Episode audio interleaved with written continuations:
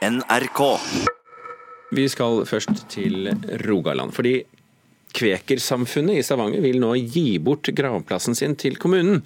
Gravlunden den er omringet av en høy mur, men den muren den forfaller. og Den kan da bli en fare for omgivelsene hvis den skulle dette ned, ifølge dette lille trossamfunnet. Byantikvaren mener gravlunden er et viktig kulturminne for Stavanger og Norge, og håper at kommunen sier ja til tilbudet.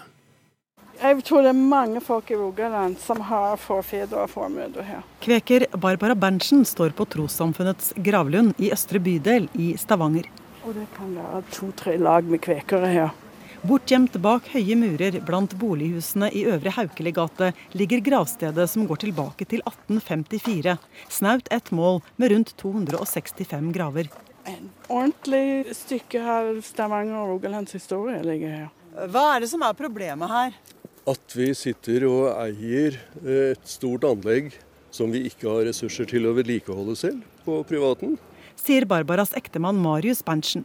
Det var i Stavanger og Kristiania at de første organiserte kristne kvekersamfunnene i Norge oppsto for ca. 200 år siden, også kalt Vennenes samfunn. Men i dag er det bare fem aktive medlemmer i Stavanger, i Norge rundt 150. Nå ber de kommunen overta gravlunden i Stavanger. Når du har mer enn 150 år gammelt murverk som, som har stått der og vært frostsprengt hver vinter og fått større og større sprekker, så vet du at da er det på vei ned, egentlig. Hvis du ser i portalen over inngangen, ser sprekkene i det murverket. Det er klart, Før eller senere så detter den der ned. Det som startet med en lav gråsteinsmur, har blitt bygd på opp gjennom årene, og er nå en trussel for omgivelsene. På oversiden er det en jordfylling, og muren som da holder jordfyllingen, er 150 år gammel. Fundamentet var ment til at muren skulle være én meter høy. Nå er den fire meter høy. Så ingen vil være overrasket hvis den vipper ut. Og kanskje de to husene kommer etter. Nå har ekteparet Berntsen på vegne av Kvekersamfunnet sendt brev til kommunen med bønn om at den overtar. For selv om Lagård gravlund drifter gravlunden til daglig, sitter kvekerne med eieransvaret for vedlikehold av mur og eiendom. Og byantikvar Hanne Winsholt er ikke i tvil om at kommunen bør takke ja. Den er veldig viktig, syns jeg, både som minne over eh, kvekerne, som jo var en veldig viktig religiøs gruppe i Stavanger, som hadde mye å si òg nasjonalt for eh, at vi fikk dissenterloven. Altså at det ble lov å praktisere utenfor statskirken, religion.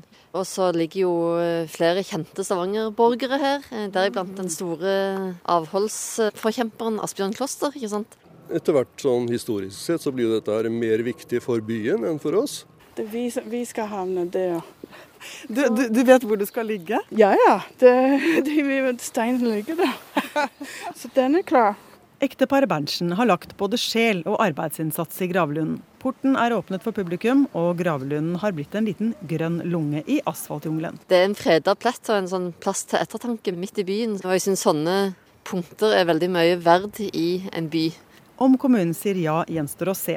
Kvekerne har også vurdert salg på det private markedet, men da hadde både Byantikvaren og trolig også Riksantikvaren protestert kraftig. Ja, vi liksom diskuterte det å legge det ut på Finn. Få ti millioner for dette her. Det hadde vært over mitt lik. Reporter her, det var Anette Johansen Espeland. Så har vi fått uh, fint litterært besøk i studio. Leif Ekle og Marta Norheim, som begge er litteraturkritikere her i NRK. Velkommen til oss i dag. Takk for det. Vi skal altså da ikke se på kun 2019 med litterære briller, vi skal se på hele tiåret som nå snart går mot uh, slutten. Og våre litteraturanmeldere har jo da lest svært mange bøker i disse ti årene. Leif Ekle, skal vi begynne med deg, hvis du skal trekke frem én norsk bok som du vil uh, anbefale, som er den beste fra dette tiåret? Så sier jeg at det er helt umulig. Det går ikke an. Det har kommet forferdelig mange. Du sa at vi har lest mange, men det har jo kommet mange ganger flere. Ja. Eh, hvis jeg må, så tenkte jeg først på Per Pettersons eh, 'Jeg nekter'.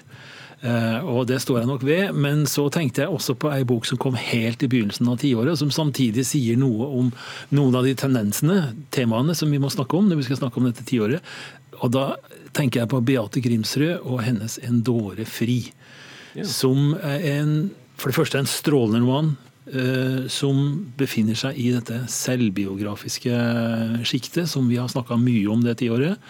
Men den er også i en annen tendens, som uh, har med kroppen, helsa, sinnet og alt dette å gjøre. Som, mm. Så den, den, fyller på en måte to funksjoner på en gang, så, så jeg vil begynne der. Ja, Og hvis du skal si to ord om Per Petterson også? Ja, det er, en, det er, jo en typisk Petterson-roman. En av de mer vellykkede, syns jeg, eh, om et vennskap. Og om vennskap generelt, og vennskap som går i stykker, og som det kanskje er et slags håp om at ting går seg til igjen etterpå. Det er en eh, veldig rørende roman som jeg ikke glemmer. Mm. Er dette også de to bøkene du ville plukket ut? Eh? Jeg kunne godt ha plukka ut dem. Jeg har faktisk ikke lest uh, Beate Grimshus' bok, så det ville vært litt uh, overmodig å velge den. Men jeg har uh, jeg har eh, tenkt på eh, 'Begynnelser' av Carl Frode Tiller. Eh, og den går jo òg midt inn i en av de nye tendensene i dette tiåret, nemlig klima. Der har han en klimaoriginal som som er veldig tett på. Altså Tett på er jo kanskje nesten overskrifta over dette tiåret. Altså en tett på kroppen, tett på eh, tematikkene, tett på det egne livet og her altså tett på f.eks. trønderflekklaven, som jo ikke har vært så mye framme. Men eh, denne klimaoriginalen, kan vi vel kalle det for, i Carl Frode Tillers begynnelser, han er veldig opptatt av trønderflekklav, f.eks. Mm. Og hvis jeg får lov som, som Ja, lov til to, du. Nå tar jeg bok til, så vil jeg si um, 'Et norsk hus' av uh, Vigdis Hjorth. Um, der går hun rett inn i uh, smertepunktene når den, den liberale, sjenerøse, uh, innvandringsvennlige huseieren leier ut en leilighet i huset sitt til en polsk familie, og blir til en smålig liten gnom.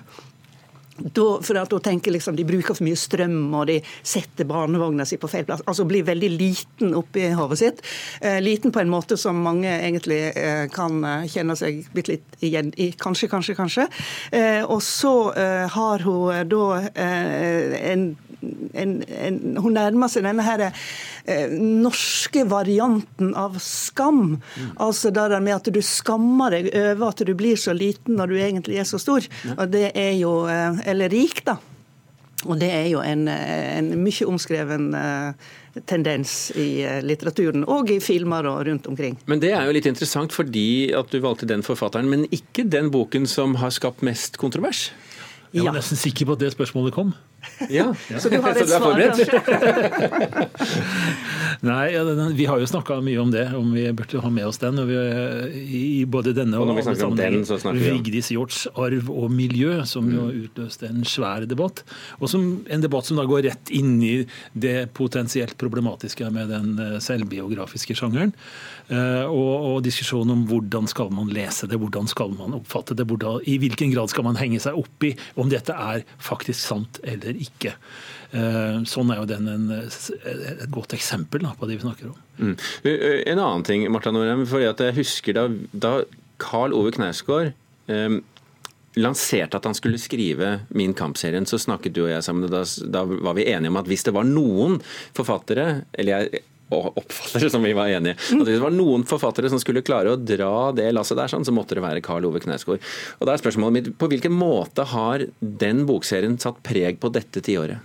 Eh, I veldig høy grad, både når det gjelder det at han skrev dette monumentale verket, jeg mener 3500 sider om et nokså eh, eh, gjennomsnittlig eh, norsk liv. Det er jo en bragd som ingen har gjort verken før eller etter. og han klarte å komme i, i land med det. etterpå så har det jo òg blitt veldig mange diskusjoner som vil føre for langt å gå inn i her, men, men nettopp om omkring eh, det etiske ved å gjøre sånne ting. Så, så det har jo røska opp eh, mange debatter, og kanskje debattene var mer dominerende enn egentlig den sjølbiografiske bølga, som jo ikke akkurat er en tsunami, eh, men som vinner hele tida mediedebatten. Mm. Og som har skvalpa rundt en god stund før min kamp. Mm. Ja, Det begynte tidlig på 2000-tallet, men det er jo sånn som går i bølger. Jeg mener Forfattere har jo beita på sine egne liv siden, siden, antikken, så det er jo ikke liksom akkurat noe nytt heller. Uh, uh, Martha var jo innom det, Leif, dette med klimalitteratur. Der har vi jo flere eksempler. Ja. Uh, Strøksnes havboka er jo et sakprosaeksempel på dette. og som også er et eksempel på en tendens igjen da, innenfor sakprosaen der skjønnlitteraturens form er med å prege sakprosalitteraturen. Det har blitt mer og mer vanlig Kanskje det også begynte litt før dette, dette tiåret, men har vært veldig, veldig tydelig. da. Og Det som òg er typisk i forlengingen av det, er at eh, forfatteren er sjøl eh, deltaker i eh, sin egen sakprosahistorie, som her altså Jeg må nesten lese undertittelen på den boka. 'Havboka eller kunsten å fange en kjempehai fra en gummibåt på et stort hav gjennom fire årstider'.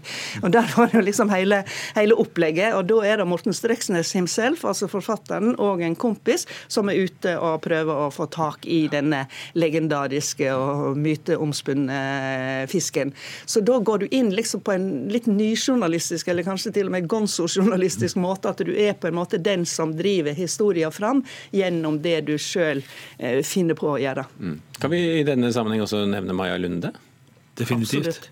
Eh, hun har jo laga nå tre bøker, og kommer til å bli flere, eh, om, eh, om klima. Da har hun altså 'Bienes historie', 'Blå', og i år kom 'Przewalskis hest'. Det blir sannsynligvis flere. Hun deler opp sine bøker i en fortidsbolk, en nåtidsbolk og en framtidsbolk. Og framtidsbolken er jo alltid den veldig dystre, og det er jo òg et memento for at vi som lever nå, må handle slik at framtida ikke blir sånn som det ser ut i de bøkene som Maja Lunde skriver. Så det er jo en type tendenslitteratur hun, eh, hun lager, i større grad kanskje enn en eh, Morten Strøksnes. Men der òg er det jo veldig tydelig at det er mange ting i havet som ikke burde vært der. Ja, tida løper helt fra oss. Er det noe vi har, må nevne før vi gir oss? Uh, vi nevnte så vidt dette med kroppen, sinnet, mennesket da vi nevnte Beate Grimsrud. Og der er det jo kommet mange gode bøker. Vi kan nevne Jan Grues Eh, levnetsbeskrivelse. Jeg lever et liv som ligner deres. Olaug Nilsen, Tung tids tale. Thorvald Steens eh, selvbiografiske bøker osv. Ja. Og, og, som sagt, klokka går, og dette her er utømmelig tema. Så vi, vi, bare setter en strek der, like godt som andre steder vi kan sette streker. Leif Ekle og Marta Norheim, takk for at dere var med og orientere oss om siste tiårs beste bøker.